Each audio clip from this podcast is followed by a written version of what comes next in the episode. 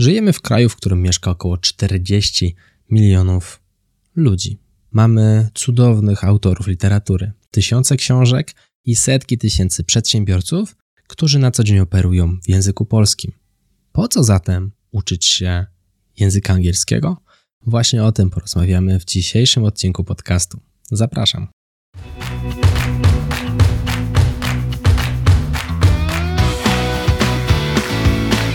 Chcesz przenieść swoją karierę na wyższy poziom?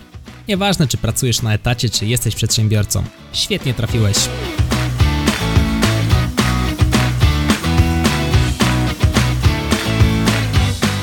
Nazywam się Michał Kowalczyk i witam Cię w Excellent Work Podcast. Głównym powodem, dla którego w mojej ocenie warto uczyć się języka angielskiego, jest możliwość nauki ze źródeł anglojęzycznych. Jak wspominałem we wstępie, językiem polskim posługuje się około 40 milionów Polaków, być może 45 milionów. Z drugiej strony, językiem angielskim posługuje się około 2 miliardy ludzi, a więc znacznie więcej. I teraz, umiejąc język angielski, możemy korzystać ze źródeł anglojęzycznych, takich jak kursy, takich jak książki, blogi, różne społeczności, w których możemy się udzielać. Możemy zadawać pytania po angielsku, a także szukać pomocy w tym języku. Mając 2 miliardy na jednej szali i 45 milionów na drugiej, zdecydowanie łatwiej będzie nam znaleźć odpowiedź w języku angielskim.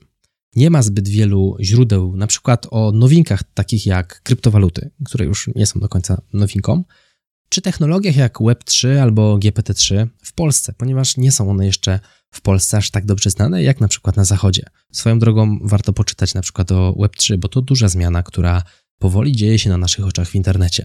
W popularnych tematach faktycznie możemy korzystać z języka polskiego, ale bardzo często są to tłumaczenia. Z racji tego, że są to tłumaczenia, będą one nacechowane pewną interpretacją autora. I nawet ja, który uczę cię Excela, mam pewien sposób podejścia do przekazu obsługi tego narzędzia, inny niż na przykład jego twórcy. A więc warto sięgać do źródła. Ja na przykład obserwuję newsletter Microsoftu, obserwuję twórców zachodnich, jeżeli chodzi o Excela, po prostu po to, aby być na bieżąco z nowinkami, akurat w tym temacie, bo ten mnie interesuje. Dla Ciebie pewnie będzie to inny temat. Przekładanie praktyk zachodnich na warunki polskie, w przypadku, gdy jesteś przedsiębiorcą, jak najbardziej jest również czymś ciekawym i do tego jest nam potrzebny język angielski. Ale nie tylko jeżeli jesteś przedsiębiorcą. Być może są praktyki związane nawet z zarządzaniem firmą, prowadzeniem stanowiska pracy, na którym się znajdujesz, które gdzieś na zachodzie są używane w inny sposób. Warto się temu przyglądnąć, mając język angielski, jak najbardziej możemy to robić. No i z drugiej strony, praktyki, które działają na zachodzie, nie zawsze będą działały w Polsce. To jest pewne zagrożenie, ponieważ różnimy się też kulturowo. A więc pewne nowinki technologiczne, coś związanego z marketingiem, sprzedażą, nowinki Excelowe, to jest coś, czym ja na przykład na bieżąco interesuję się i korzystam do tego z tej angielskiej strony internetu.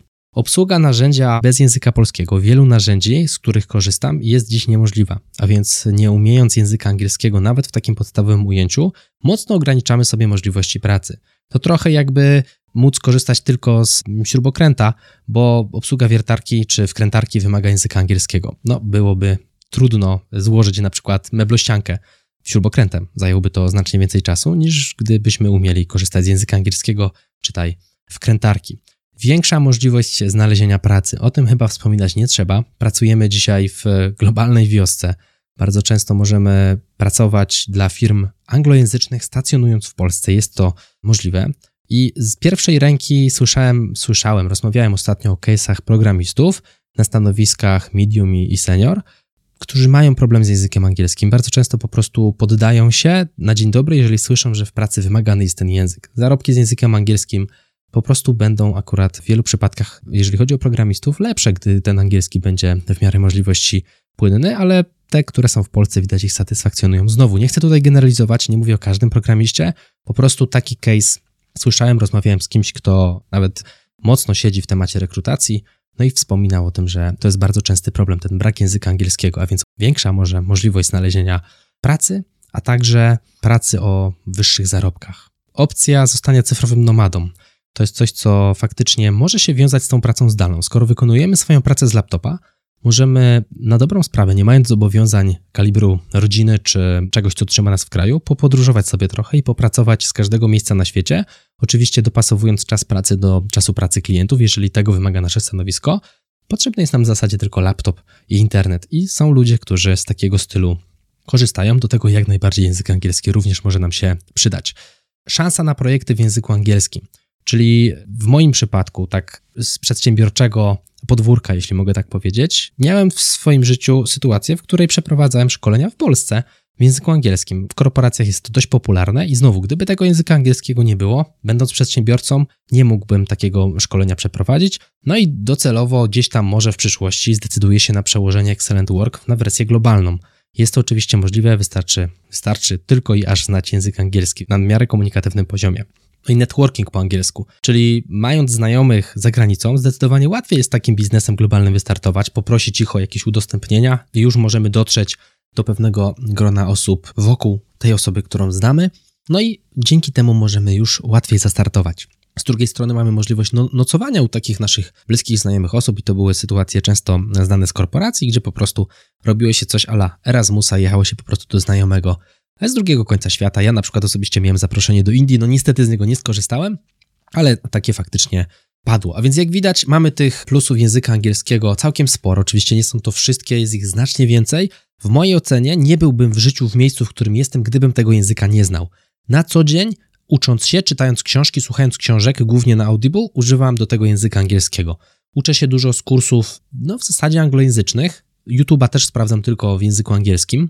Gdybym miał wskazać procent nauki, wiedzy, którą wchłaniam w języku polskim i angielskim, to dałbym 60 na angielski, 40 na, na polski i im dłużej prowadzę firmę, im dłużej się uczę, tym więcej skłaniam się w stronę tego języka angielskiego, bo bardziej się po prostu specjalizuję, jest coraz mniej materiałów w języku polskim, które mogłyby tutaj dużą dodatkową wartość mi wnieść. Jest ich nadal sporo, ale po prostu z czasem ta liczba topnieje z racji wejścia głębiej w interesujący nas temat. A więc gorąco Cię zachęcam, jeżeli się wahasz, nie wahaj się, ustaw sobie 15 minut dziennie, 10 minut dziennie na e, naukę języka angielskiego i jasne możesz powiedzieć, że to mało, ale w skali roku uzbiera się z tego naprawdę kilkadziesiąt solidnych godzin, a to wyniesie Twój poziom języka angielskiego znacznie wyżej.